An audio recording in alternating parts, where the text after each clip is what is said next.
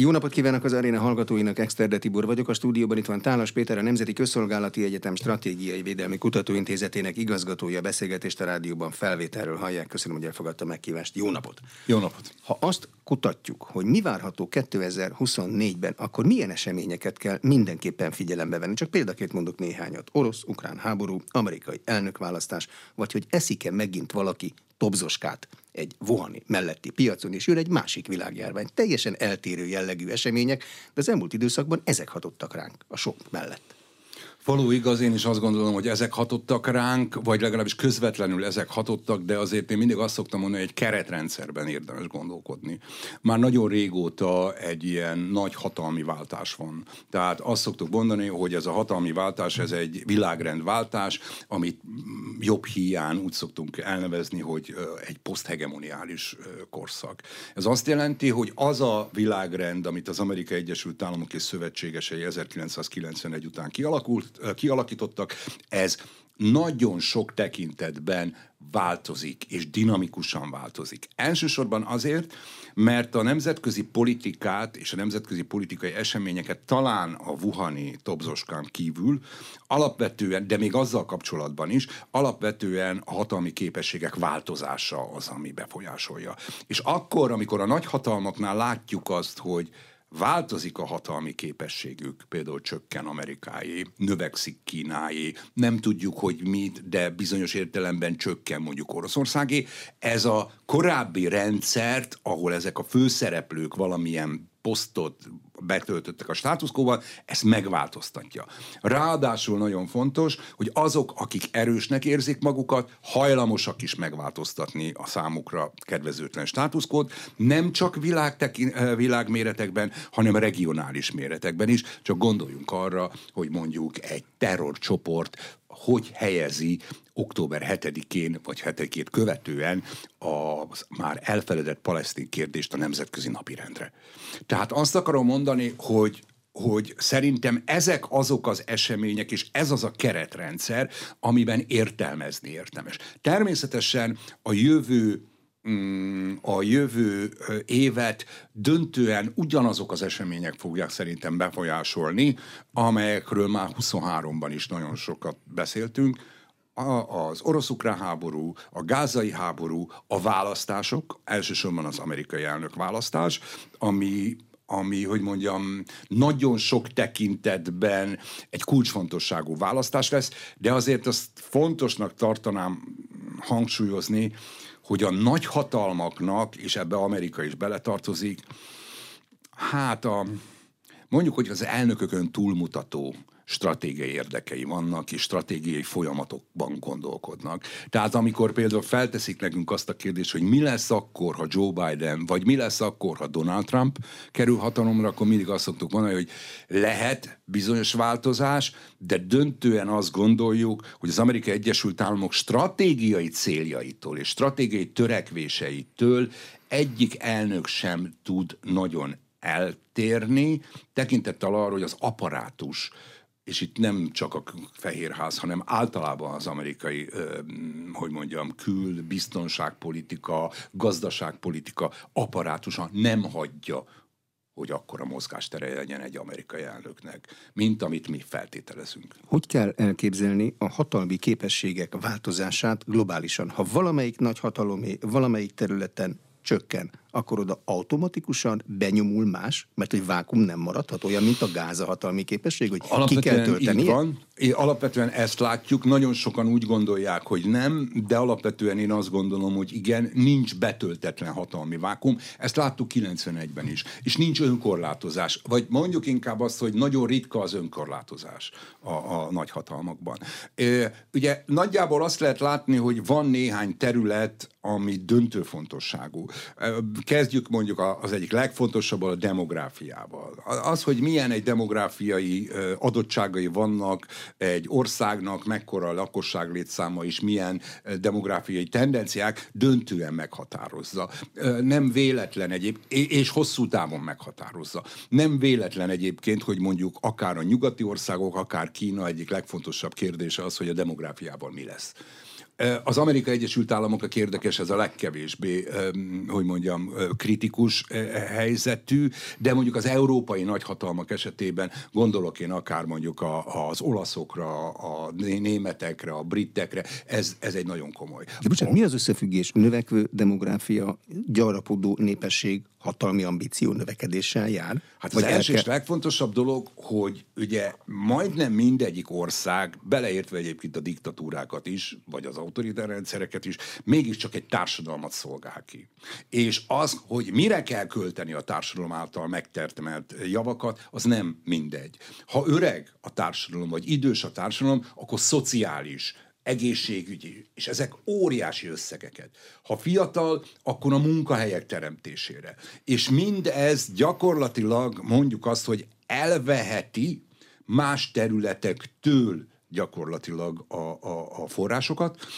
Gondoljunk arra, hogyha nagyon sokat kell költeni egészségügyre, és idős a, a, a társadalom, akkor nagyon nehéz például egy ütőképes hadsereget létrehozni. Meg a, nyugdíjat kell fizetni. Hát például nyugdíjat kell fizetni, például nincs elég fiatal, nincs elég egészséges és sportos fiatal, stb. stb. Tehát ezek szerintem mind-mind meghatározzák. A következő az a gazdasági tényező. Az, hogy növekszik vagy nem növekszik. Hadd mondjak egy nagyon egyszerű példát. Tulajdonképpen 3% után emlékeim szerint talán ebben az évben 5%-os lesz a kínai növekedés. És a kínaiak nagyon örülnek ennek, vagy megpróbálják nagy örömnékéntben. De a Kína alapvetően nem 5%-os gazdasági növekedéshez szokott. 10-hez szoktunk hát Kínában. Hát pontosan ez az. Tehát ott egy 5%-os gazdasági növekedés a korábbi növekedéshez képest, az egy visszaesés, az egy komoly probléma.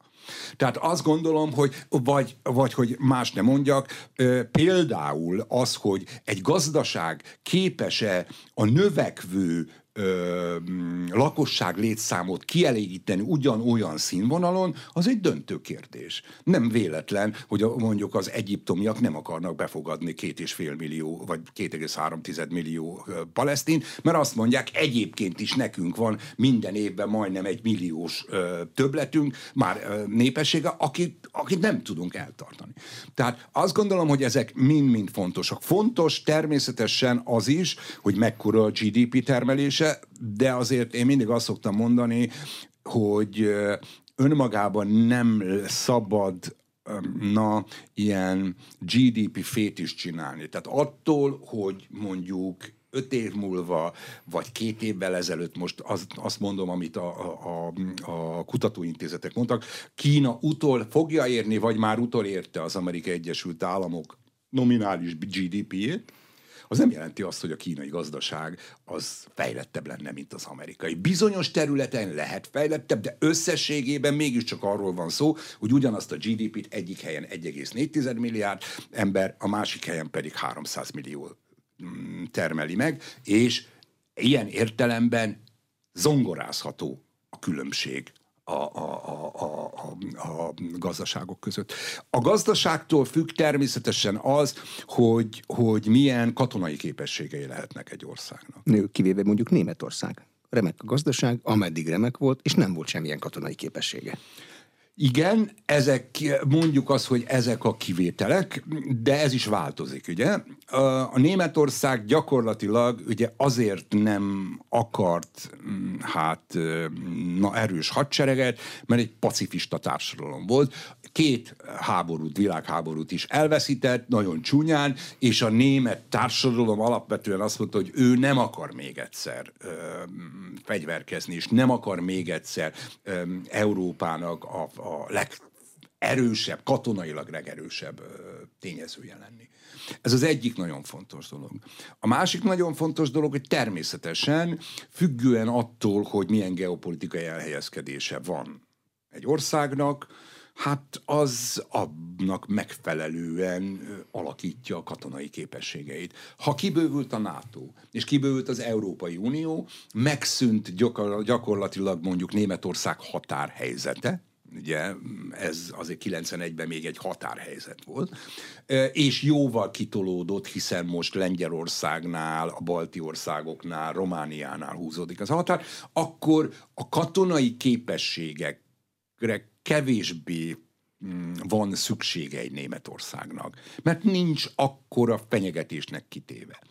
Tehát azt akarom mondani, hogy ezek is mind-mind meghatározzák a, a, a képességeket. És van a diplomáciai képesség, ami azért fontos, mert a diplomáciai képességbe a kisországok is bele tudnak tenni olyan investíciót, ami eredményt hoz. Ugye a diplomácia az, az egy, a, a, ebbe beletartozik egyébként nem csak a, a, a, az, hogy milyen szervezetnek vagyok tagja, hanem e, milyen kapcsolatrendszerem van. Ezt a kapcsolatrendszert hogy tudom mozgatni. És végül van egy a utolsó, amit még megszoktunk emlegetni, ez pedig a vonzás hatalma hogy mennyire tetszik a társadalomnak vagy a világnak az a politikai rendszer, az az ideológia, amit én fölajánlok. Na jó, de akkor mit kezdjünk például az amerikai Egyesült Államokkal, ami a világ egy jelentős részének állítása szerint nem tetsző rendszert működtet, de mégis mindenki oda akar menni. Vagy nagyon sokan akarnak oda menni. Most akkor tetszik, az, vagy nem tetszik? Azt gondolom, hogy ö, külön kell választani, hogy miért akarnak oda menni. Az Amerikai Egyesült Államok katonailag még nagyon hosszú időig a világ legerősebb hatalma lesz. Egész egyszerűen nagyon kevés olyan ország van, amely ennyi, ennyire könnyedén mozgatja a saját haderejét, és képes gyakorlatilag nagyon nagy létszámú hadseregeket fenntartani, minimum két helyen, mondjuk gondoljunk Irakot, meg, meg Afganisztán. Nem biztos, hogy a háború itt megnyeri, de önmagában az, hogy képes katonát oda helyezni, és katonákat mozgatni, ez egy akkora előnye az Egyesült Államoknak, ami az egész szövetségesi rendszerét, hogy mondjam, befolyásolja. Ugye ne felejtsük el, hogy az Egyesült Államok, az Amerikai Egyesült Államok és általában Amerika mellett katonailag jelen van Európában, katonailag jelen van a közel-keleten, és katonailag jelen van a távol-keleten. Ez gyakorlatilag egy olyan tulajdonképpen egy olyan stratégiai szövetségesi rendszert jelent az Egyesült Államoknak, hogy, hogy, hogy borzasztó erős hát befolyással rendelkezik. A BT állandó tagja, a második legnagyobb, vagy az első legnagyobb atomhatalom, és gazdasági, pénzügyi szempontból is lehet látni, hogy még nagyon erős, és nagyon erősen hat. Hiszen hiába van eladósodva az amerikai gazdaság, a dollár mégis egy nagyon kemény valuta, és gyakorlatilag azt lehet mondani, hogy a, a technológiai mm, hát mm, innovációban, újításokban is nagyon sok területen élen jár.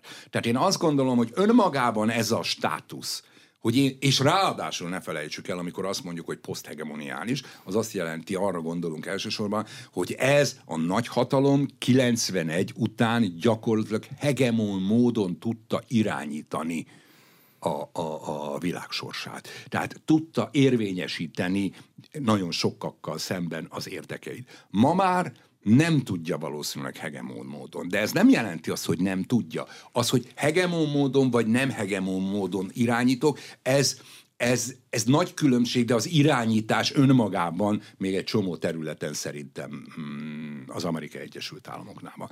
Kicsit Má... többet kell adnia, többet kell alkudnia, ha valamit el akar érni, adnia kell, kell mondjuk F-16-osokat, amit korábban nem kellett Pontos. volna, elég egy telefon? Most már kell? Szerintem igen. Szerintem erről szól a történet, alapvetően arról szól, hogy nincs akkora ereje, nincs akkora befolyása azért, mert fölnőttek mellé olyan tényezők, és olyan országok, akiknek a véleményére és akiknek a befolyására oda kell figyelni. Az első az Kína. Tudjuk az egyedüli és az egyetlen kihívója Isten igazából az Amerikai Egyesült Államoknak Kína. Kína a leglátványosabb terület, ahol Kína gyakorlatilag átvette a vezetés, ez a kereskedelem. Tehát amikor megnézzük azt, hogy, hogy ki a legfontosabb kereskedelmi partnere egy országnak, akkor 2000-ben még, uh, hogy mondjam, Amerika volt többségben a világban, tehát az egy kék térkép lett volna. 2018-19-ben Kína lett. Kína vette át. Mindenki Kínával akar kereskedni. És ez egy nagyon fontos dolog gazdasági szempontból. Tehát én azt gondolom, hogy, hogy ezek mind-mind olyan tényezők, amelyek befolyásolják azt, hogy, hogy akarunk, akarjuk vagy nem. Nem beszélve természetesen arról, hogy az Egyesült Államok az, az egyetlen olyan nem az egyetlen, de talán talán az egyik legfontosabb globális képessége az gyakorlatilag az a, az a szövetségesi rendszer, amit kialakított az elmúlt, hát mondjuk azt, hogy 45 után. De az, ezt NATO-nak hívjuk? NATO-nak is hívjuk, de kétoldalú kapcsolatoknak is hívjuk, hívhatjuk Ábrahám egyezményeknek, például a közel-keleten. Tehát azt látni kell, hogy gyakorlatilag az Egyesült Államok képes leginkább alakítani azt a szövetségesi rendszert, amit mi klasszikus értelemben szövetségesi rendszernek szoktuk nevezni. Ilyen szövetségesi rendszere nincs Kínának, a BRICS nem ilyen, mielőtt bárki is azt gondolná, és ilyen szövetségesi rendszere nincs uh, Oroszországnak sem. Oroszországnak van ugyan egy olyan szövetségesi rendszer, amit a posztszovjet térségnek nevezhetünk, de nincs, tehát hogy mondjam, de a posztszovjet térségen belüli hegemon szerepe Oroszországnak is csökken. Ha a poszthegemoniális korszakról beszélünk, akkor nem csak világméretekben van poszthegemoniális korszak, hanem gyakorlatilag van lényegében regionálisan. Hogy más nem mondjak, például ma már azt mondjuk, szemben mondjuk 2000-es évekkel, hogy egy posztamerikai közel-keletről kell beszélnünk, ahol a a helyi nagyhatalmaknak sokkal nagyobb a befolyása.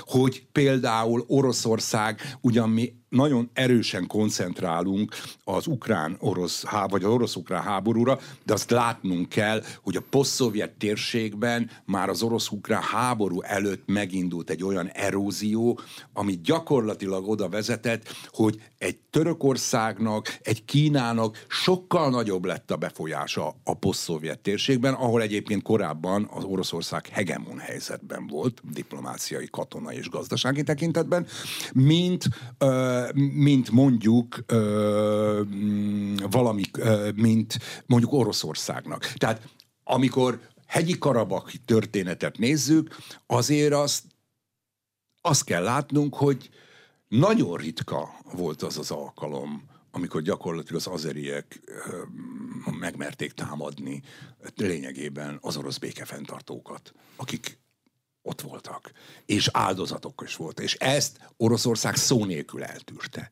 Hogy például, más nem mondjak, hogy a, amilyen mozgásokat végez mondjuk Kazaksztán, vagy, a, vagy a, a, általában a sztánok, tehát a, a, a közép-ázsiai orosz köztársaságok. És ahogy orientálódnak Kína felé, mert Kínával érdemes bizniszelni, Kínával érdemes uh, politikai kapcsolatokat is kialakítani, ellensúlyozni azt a, az orosz befolyást, amit ott uh, tapasztalunk, akkor azt látjuk, hogy hogy gyakorlatilag miközben Oroszország maga is egy status quo megkérdőjelező, elsősorban Ukrajna kapcsán, ön maga is egy status quo védő pozícióba kényszerül számos területen. Ha az amerikai elnök választást egy elemző nézi, van benne valami, amit fixre tud venni? Mert egy laikus azt látja, hogy egyáltalán nem biztos, hogy a végén 2024-ben Joe Biden áll szembe Donald trump -el. Joe Biden nagyon idős, Donald Trumpot meg folyamatosan próbálják egyes államok kizárni az állami választás lehetőségéből, és bírósági perek előtt áll. Így van. Ö, egy elemző, vagy inkább azt mondom, a Stratégiai Védelmi Kutató Intézet munkatársai nem ebből a szempontból elemzik. A Stratégiai Védelmi Kutatóintézet munkatársai alapvetően az amerikai stratégiai érdekben gondolkodnak. Fontosnak tartják egyébként természetesen azt, hogy ki az amerikai elnök, meg hogy mi, hogyan néz ki a kongresszus, meg a szenátus, de döntően abból indulunk ki, hogy a nagyhatalmaknak nagyon nehezen változtatható stratégiai érdekeik vannak, mert folyamatokban gondolkodnak, és ott az apparátus is erre van szoktatva. Tehát ez azt jelenti, hogy, hogy, a, hogy nem csak az elnök fontos, hanem nagyon sok esetben sokkal fontosabb az, hogy az elnöknek milyen apparátusa van, és az, és az amerikai adminisztráció hogyan működik. Nagyon egyszerű példát hadd mondjak. Ugye mindenki úgy gondolta, Donald Trump első hát mm, időszakában, hogy ez egy kriminális elnök lesz, borzasztó, csak botrányok, tranzakcionalista, csak akkor hajlandó bármit adni, ha, ha, ha gyakorlatilag hát kap is vérte valamit. Erre kiderül, hogy hogy számos olyan lépést sikerült Donald Trumpnak, Donald Trump idejében megtenni az Egyesült Államoknak, ami óriási előnyt biztosított például közel-keleten. Az egész Ábrahám egyezmény rendszer, az gyakorlatilag Donald Trumpnak köszönhető annak, hogy Trump azt mondta, hogy kérem szépen, az Egyesült Államoknak ki kell vonulnia, nem, már nem csak ő, korábban is megkezdődött ez egész történet, de alapvetően át kell adnia a helyi szövetségeseknek a, a, a képességet, és át kell adni a kompetenciát, és úgy döntött, hogy van két olyan szövetségese, az Egyesült Államoknak, akiket jó lenne összebékíteni, ez Izrael és Szaudarábia. Mind a kettőben nagyon jóban van az Egyesült Államok. És ezt gyakorlatilag elkezdte összehozni. És elkezdődött egy izraeli-arab barátkozás. Természetesen az arabok azért, vagy az arab országok azért barátkoztak, mert ennek előnyét látták. Azt mondta Donald Trump, és ilyen értelemben transzakcionalista, hogyha barátodnak tekinted Izrael, akkor én a barátság jutalmául adok neked néhány repülőgépet ilyen fegyvert, olyan fegyvert, ilyen előnyt, olyan pénzügyi támogatást. Tehát látni kell, hogy gyakorlatilag mm, hiába, hogy hogy, hogy máshogy ítéli meg egy stratégiai kutató az amerikai elnökök teljesítményét. Hasonlóképpen egyébként ugye Európában imádták Barack Obamát. De Barack Obamának a külpolitikája összességében azt gondolom, hogy nem volt sikeres. Vagy pontosabban nem láttunk olyan nagy sikereket.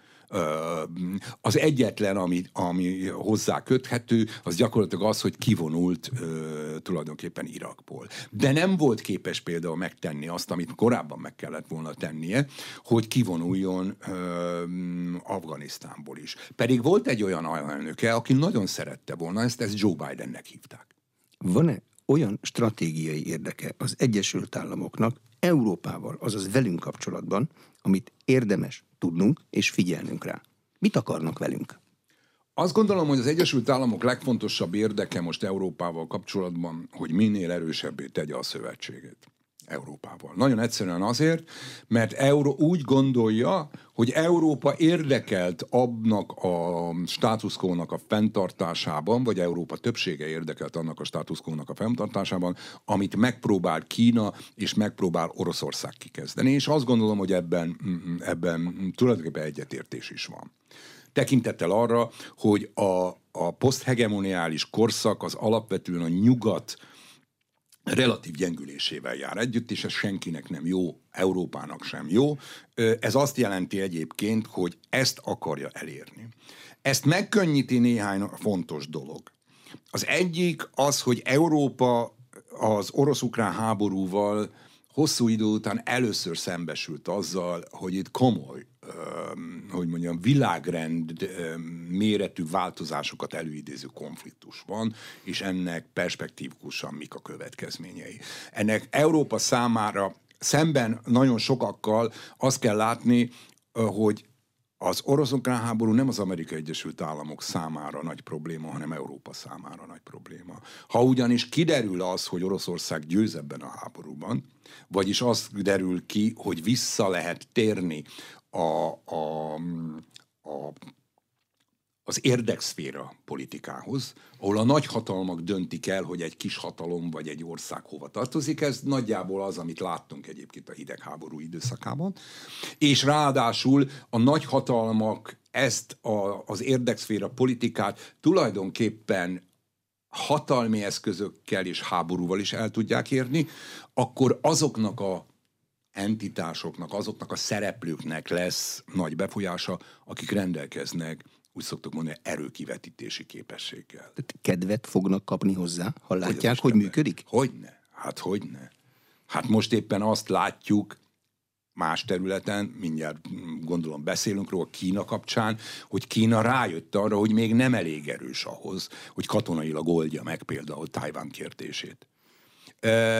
Nagyon fontos szerintem azt látni, hogyha visszatérünk a háborúk és az érdekszféra mm, politikához, akkor az Európai Unió nem lesz érdekszférája, nem tudom érthető-e, mert nincs hadserege, mert nincs erőkivetítési képessége, mert nem állam olyan értelemben, mint Oroszország, Amerika vagy Kína mert mi 27-en nem tudunk megállapodni abban, hogy legyen egy közös hadsereg, nem tudunk megállapodni abban, hogy tudunk-e, segíthetünk, hova mehetünk, mit csinálhatunk. Vannak országcsoportok egyébként, akik ezt megpróbálják csinálni, például, hogy más nem mondjak a, a franciák vezetésével Afrikával, de ez csak az európaiak egy része. Nekünk az Európai Unió az, aminek tulajdonképpen ilyen értelemben államként kéne, vagy, vagy, vagy egységes szereplőként kéne fellépnie. Ezt nem tudjuk.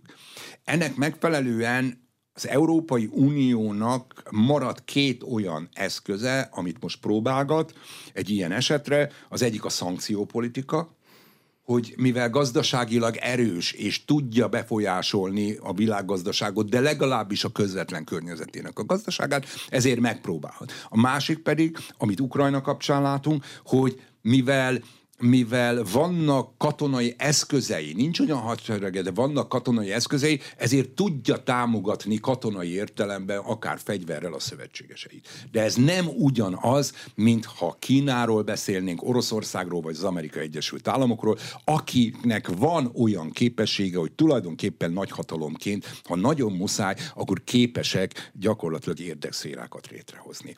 Ez az egyik legfontosabb kérdés szerintem, amit az Európának végig kell gondolnia, hogy ez hogy fog működni. A másik nagyon fontos kérdés az amerikaiak számára, hogy mi történik akkor, ha Kína és Oroszország egy időben akarja megszorítani gyakorlatilag a NATO-t.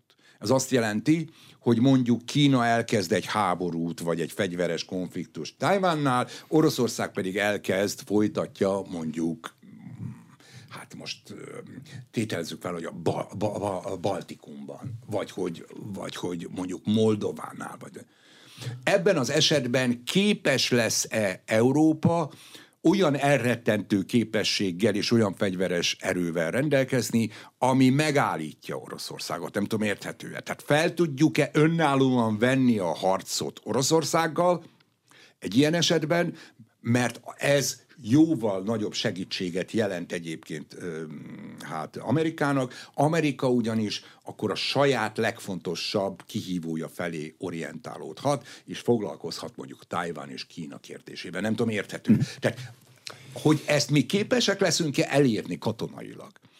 Azt nem tudom, azt látom, hogy a NATO e felé akarja nyomni nagyon erősen a tagjait, a NATO elrettentő képességet akar rendelkezni. Ez az elrettentő képesség mutatkozik meg a kelet-közép-európai haderőreformokban, mindenütt egyébként, teljesen mindegy, hogy mire hivatkozunk, Magyarország épp úgy beletartozik ebbe a haderőreformot végrehajtók ö, csoportjába, mint ahogy Lengyelország, miközben mi egyébként a szuverenitásvédelemre hivatkozunk a katonai erőnk fejlesztésekor, a, a lengyelek pedig az orosz fenyegetésre. De eredményét tekintve ugyanaz lesz az eredmény. Kínának, már beszéltünk róla fél mondatot, mi most a stratégiai célja? Mit szeretne, és azt hol szeretné a Földön? Azt gondolom, hogy Kína stratégiai célja az alapvetően az, hogy tényleges kihívója lehessen minden területen az Egyesült Államoknak. Gazdaságilag ez bizonyos értelemben, kereskedelmi, gazdaságilag ez bizonyos értelemben megvalósult. Politikai vagy geopolitikai szempontból még szerintem nem. A legnagyobb hiánya egyébként Kínának a szövetségesi rendszer tehát nincs meg az a szövetségesi rendszere Kínának, ami megvan egyébként az Egyesült Államok, amiről korábban beszéltünk. De bocsánat, amikor szövetségi rendszert keresünk, akkor katonai szövetségi rendszert kell is. keresni, gazdasági szövetségi is. rendszert, kulturális szövetségi is. rendszert? Is, valamennyi. Tehát azt gondolom, hogy egy szövetségi rendszer az érdekek és az értékekből áll, ez egy nagyon fontos. És azt látjuk, hogy ilyen szövetségesi rendszere a nyugatnak van egy nagyon egyszerű példát hadd mondjuk. Mi nagyon sokszor szoktunk beszélni, akár itt is, arról, hogy a kelet mit gondol meg a dél, globális dél. De rögtön hadd tegyem hozzá, olyan értelemben politikai entitásnak nem tekinthető se a kelet, se a globális dél, mint ahogy a nyugat aminek van két olyan intézménye, de egy feltétlenül, az egyik az alapvetően a NATO, a másik, és ennek különböző tartozékai, mert most már a NATO, hát nem csak a NATO tagok, hanem a NATO partnerek is, akik egyébként néha Ázsiából vannak, is fontosak, és van mondjuk egy Európai Unió, ami gazdaságilag egy nagyon fontos. Ez a ilyen típusú, ilyen mélységű és ilyen intenzitású szövetségesi rendszere gyakorlatilag Kínának még nincs. És talán az egyik legnagyobb problémája Kínának az, hogy akkora, hogy nem is nagyon akar senki vele barátkozni. De mert pont azért kell vele barátkozni, lehet így is érvelni, mert akkora. Egy ilyen barát, amikor Igen, bemegyünk a kocsmába, mindig jó Ez jön. így van, de mindig fennmarad egy Kína nagyságú ország esetében az, hogy a, a méretből fakadó asszimetria. Ez körülbelül olyasmi, mint amit, amit Oroszország kapcsán látunk. Oroszország is ugye ez létrehozta a saját kis intézményeit a posztszovjet térségben, de most látjuk azt, hogy ez a posztszovjet térség intézményrendszer, ez, ez azért komoly repedéseket szenved el. Én nem akarok előre, nagyon előre szaladni, de én például azt gondolom, hogy abban az esetben, ha Oroszország meggyengül, akkor például pillanatok alatt a putyini rendszer összeomlását, a putyini rendszer vége után vagy a lukasenkai vé, rendszer vége után a Belarusia úgy el fog szállni nyugat felé, és ott fogja hagyni a, a, a posztszovjet térséget már politikai értelemben, amit mi ma elképzelésünk sincsen. Most azt gondoljuk, hogy a Lukasenka rendszer az, ami a, a világ legstabilabb rendszere, miközben azt azért látni kell, hogy például, eh, ha Európát vagy az európaizációt nézzük, akkor a, a, a, belorusz társadalom egy sokkal európaizáltabb társadalom, mint mondjuk a, a, az ázsiai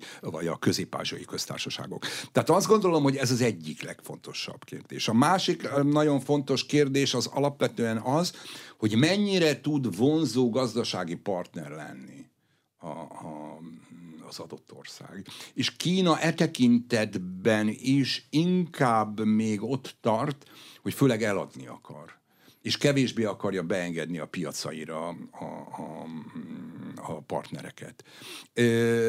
Én ezért az egyik legfontosabb kérdésnek egyébként azt tartom, hogy Kína hogyan fogja ezeket a lépcsőket megtenni, hogyan fog felmenni erre a lépcsőre.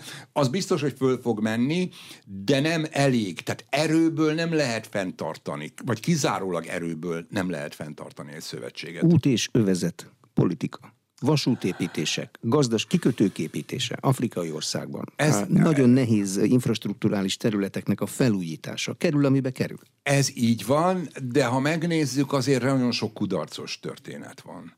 Tehát az, hogy a, Szaharába, vagy nem tudom, valamilyen sivatagos területen egy villamost felépítünk, nem biztos, hogy akkora egy villamos, már olyan értelemben, hogy mondjuk innen A-ból elmegy B-be egy villamos, nem biztos, hogy olyan jó lesz. És ráadásul tegyük rögtön hozzá, hogy Kína ugyan politikailag nem követel meg semmit, tehát politikailag semlegesnek tűnik, de gazdaságilag azért többnyire erőnyös helyzetet akar. Tehát szemben mondjuk az Egyesült Államokkal, vagy általában a nyugati országokkal nagyon kevés olyan országról tudunk, ahol például azért vannak kiakadva, mert mondjuk az Egyesült Államok adósságát olyan durván akarja érvényesíteni, mint ahogy Kína akarja némely afrikai országgal, vagy akár Montenegróval kapcsolatban.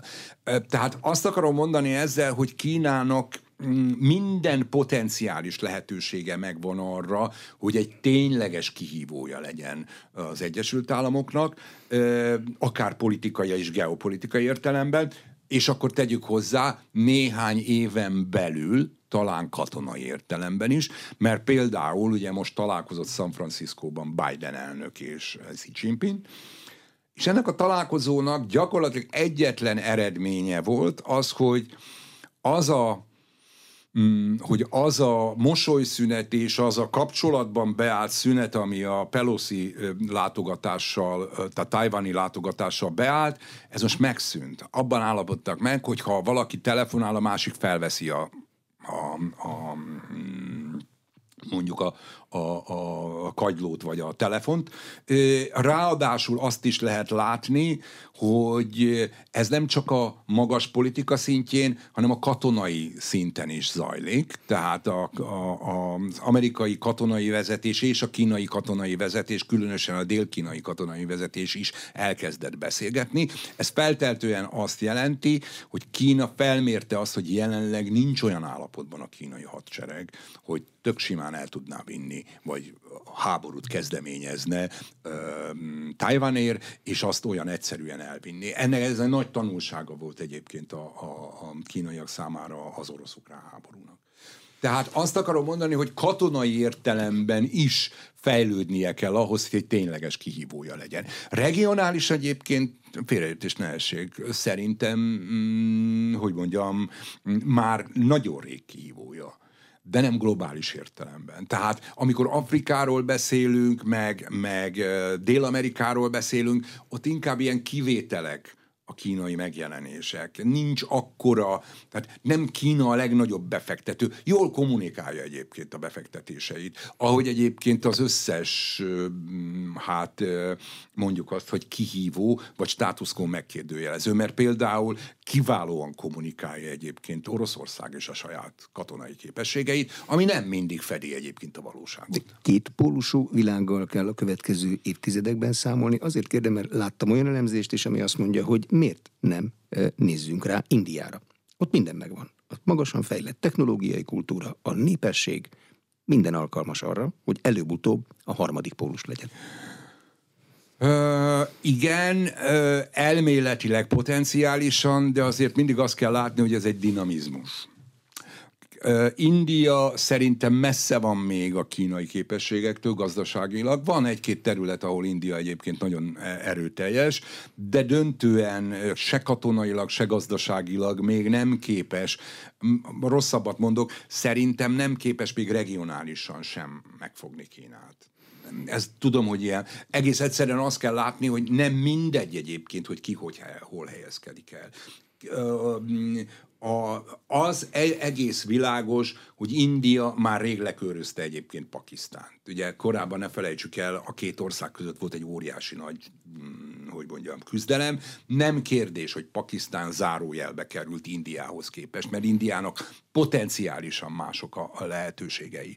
De mivel nagyon közel van Kína, ezért azt gondolom, hogy, hogy Indiának várnia kell erre a történetre, és kettő, sokkal egyszerűbb egyébként, és praktikusabb mm, a főszereplők számára is egy bipoláris világ, mintha egy multipoláris világ. Kevesebb fele kell figyelni? Hogyne és kevesebb emberrel kell megállapodni. Ez, én az én fejemben ez nagyjából úgy néz ki, vagy úgy néz neki, hogy megmarad az Egyesült Államok az egyik pólusnak, és lesz egyébként egy szövetségesi rendszere Európában, és megmarad, vagyis kiemelkedik egy másik pólusnak Kína, aki mellett megmarad egyébként Oroszország, de egy alárendelt hogy mondjam, pozícióba. Tehát két ilyen segédje lesz a nagyhatalmaknak, az egyik Európa, a másik pedig hát Oroszország. Ez blokkosodást fog előidézni egyértelműen, és azt fogjuk látni, hogy, hogy hogyan jön létre ez a szövetség, mert jelenleg egyébként nem így néz ki. Jelenleg azt lehetne mondani, hogy ha nagyon, nagyon erős nyugatellenes szövetségi rendszert akarok felsorolni, vagy megmutatni, akkor legegyszerűbb talán az orosz, irán, észak-koreai. De ugye nem azok a főszereplői. Tehát, hogy mondjam, ezek fontosak, mert Észak-Korea, mit tudom egy millió mm, tüzérségi lőszert ad az ukránai háborúba Oroszországnak, és Irán drónokat, de nem komoly tételek. Tehát én döntően úgy gondolom, hogy a jövő az egy, az egy döntően hát bipoláris világrend lesz, és ebbe próbálják majd behúzni egyébként ilyen támasztékként a főszereplők, vagy a mellékszereplők az egyes országokat. Hmm. Táskahordozók leszünk, mint Oroszország, Kína mellett, csak más-más oldalon, mi Európában? Azt gondolom, hogy döntően igen, amiből egyébként néhány dologban természetesen a táskahordozóknál azért többek leszünk. Már abban az értelemben, hogy, hogy lehet, hogy ha, hogy lehet, hogy nálunk lesz a társadalom kulcsa is, amennyiben képesek vagyunk olyan területeken mondjuk előnyt biztosítani Európának, amiben lekörözzük mondjuk az Egyesült Államokat is. Tehát ez egy sokkal kiegyensúlyozottabb viszonyrendszer is lehet. Biztonságpolitikailag azt gondolom, hogy egyértelműbb a történet. Biztonságpolitikailag azt kell látni, hogy a fő különbség Európa és Amerika között az ambíciókban és az ambíciókhoz fölállított képességekben vannak. Európa mm, biztonságpolitikai értelemben nem akar világpolitikai tényező lenni. Tehát nem globális szereplő biztonságpolitikában. De a választás, ugye európai parlamenti választások is lesznek. Igen. Most már két háború tapasztalatával a politikusok fejében nem fordulhat úgy, hogy Európa is akar biztonságpolitikai tényező lenni? Hogy fegyverkezik például? A képessége megvan rá, fegyvergyárai vannak Németországnak, Franciaországnak is, Lengyelországnak is, nekünk is. Azt gondolom, hogy ö, elméletileg lehet, de én azt feltételezem, hogy európai társadalmak számára sokkal fontosabb a jólét, és, a, és a, az a kihívás, hogy egy olyan generáció jár előttünk, aki rosszabbul fog élni, mint a szülei. De akkor is, ha látják, hogy mi történik a szomszédban. Most már a szomszédban van háború. Igen, de de nem mindegy, hogy mit látnak ebbe a háborúba. Azt világosan kell látni, hogy amikor arról beszélek, hogy blokkosodás, akkor nem csak szövetségesi rendszer, hanem gyakorlatilag információs blokkosodást is látható. Ma már olyan eszközök vannak, és még inkább ilyen eszközök lesznek, hogy sokkal könnyebb gyakorlatilag a, a társadalmak befolyásolása és a társadalmak információs buborékba zárása mint a korábbiakban volt. Ennek megvan a technológia, megvan a technikája, már lehet látni például, hogy, hogy az ukrajnai háború a globális délből nem, nem vált ki semmi olyan igazán releváns dolgot azt lehet látni, hogy, hogy gyakorlatilag a nyugatnak nem sikerült úgy elszigetelni Oroszországot, hogy itt mindenki megbélyegezni Oroszországot. A, délen, a globális délen teljesen máshogy gondolkodnak Oroszországról. Hasonlóképpen világosan lehet látni a, a palesztin ügyva kapcsán, még inkább egyébként a, a Hamas-Izrael kapcsán, hogy teljesen különálló, hogy mondjam, mm, információs buborékban élnek az izrael barátok, és teljesen más információs buborékban élnek a, a palesztin barátok. Ami nem, jelenti, nem feltétlenül jelent Hamas barátságot, csak akik azt mondják, hogy a palesztin kérdés ez egy fontos kérdés. És azt gondolom, hogy a blokkosodás az ezen a területen is erőteljesebb lesz, ezért én azt gondolom, hogy, hogy sokkal egyszerűbb lesz mm, hát az információval befolyásolni a társadalmakat. Egyébként is azt látjuk nagyon régóta, hogy Isten igazából a választások és a választási politika, vagy inkább azt mondanám, hogy akkor a választási kampányok, azok információs kampányok. Nem arról szól a történet egyébként, hogy ígéretekről szól természetesen, de lehetőleg ezek az ígéretek, ezek olyanok, hogy, hogy kellőképpen ilyen mm, hogy mondjam, képlékenyek, és emellett, amit nagyon szeretne elérni minden egyes politika, hogy érzelmi alapon döntsön a társadalom. Kell utálni valakit, mert ez egy világos meg, dolog. A, tehát meg kell mondani, ki az a sajátjainkat imádjuk, az ellenfelet pedig utáljuk. És, és sajnos az a helyzet, hogy, az em, hogy a társadalmakban a másik utálata, gyűlöleten, a másik nem szeretése, a sokkal könnyebben kiváltható, és, és sokkal egyszerűbb technikákkal kiválható. Az ellenség megjelölése az, az sokkal egyszerűbb történet ma már, mint, mint volt akkor, amikor nem ennyire poszt igazságkorszakban értünk, tehát nem ennyire a vélemény volt döntő, hanem még még volt befolyása és volt tekintéje a, a tényeknek. Nekünk is van egy szövetségi rendszerünk, a Visegrádi Négyek Szövetsége. A Visegrádi Négyekben van még élet? Én azt gondolom, hogy perspektívusan természetesen. Tehát a, egy picit máshogy látom a visegrádiakat, mint általában többiek. Én nagy híve vagyok a visegrádiaknak, tekintettel arra, hogy ugye um, rokonsági um, szálak fűznek Lengyelországhoz, édesanyám lengyel volt, bírom a lengyel nyelvet, ismerem a kultúrát, tehát nekem, nekem családilag borzasztó jön, jól jönne egyébként egy nagyon szoros visegrádi együttműködés, hogy más nem mondjak például, ha megvalósulna a Via Kárpátia, ahol én teljesen lazán el tudnék menni mondjuk Gdańskba, mm, Szegedről, vagy bárhova.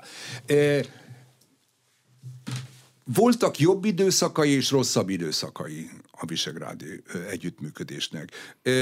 Hogy a jobb időszak szerintem a legjobb időszak az volt, amikor le kellett bontani ezt az egész rendszert a korábbiat. Ugye ne felejtsük el, 91-ben alakult, és 93-ig gyakorlatilag sikert sikerre halmozott. Az volt a fő cél, hogy menjenek ki az oroszok, bomoljon fel az KGST, meg szűnjön meg a Varsói Szerződés, ezt elértük. Utána hosszú ideig nem tudtunk egymással mit kezdeni, mert mert egy olyan politikai ö, időszak volt, amikor láthatóan mindenki saját magával volt elfoglalva. Ö, és utána megint voltak jobb időszakok. Én azt gondolom, hogy, hogy tekintettel arra, hogy az országok, azok az országok, akik a visegrádi országokat alkotják, hát nem világpolitikai tényezők a szónak abban az értelemben, hogy a külpolitikai és biztonságpolitikai kompetenciájuk döntően a saját közvetlen környezetüket érinti.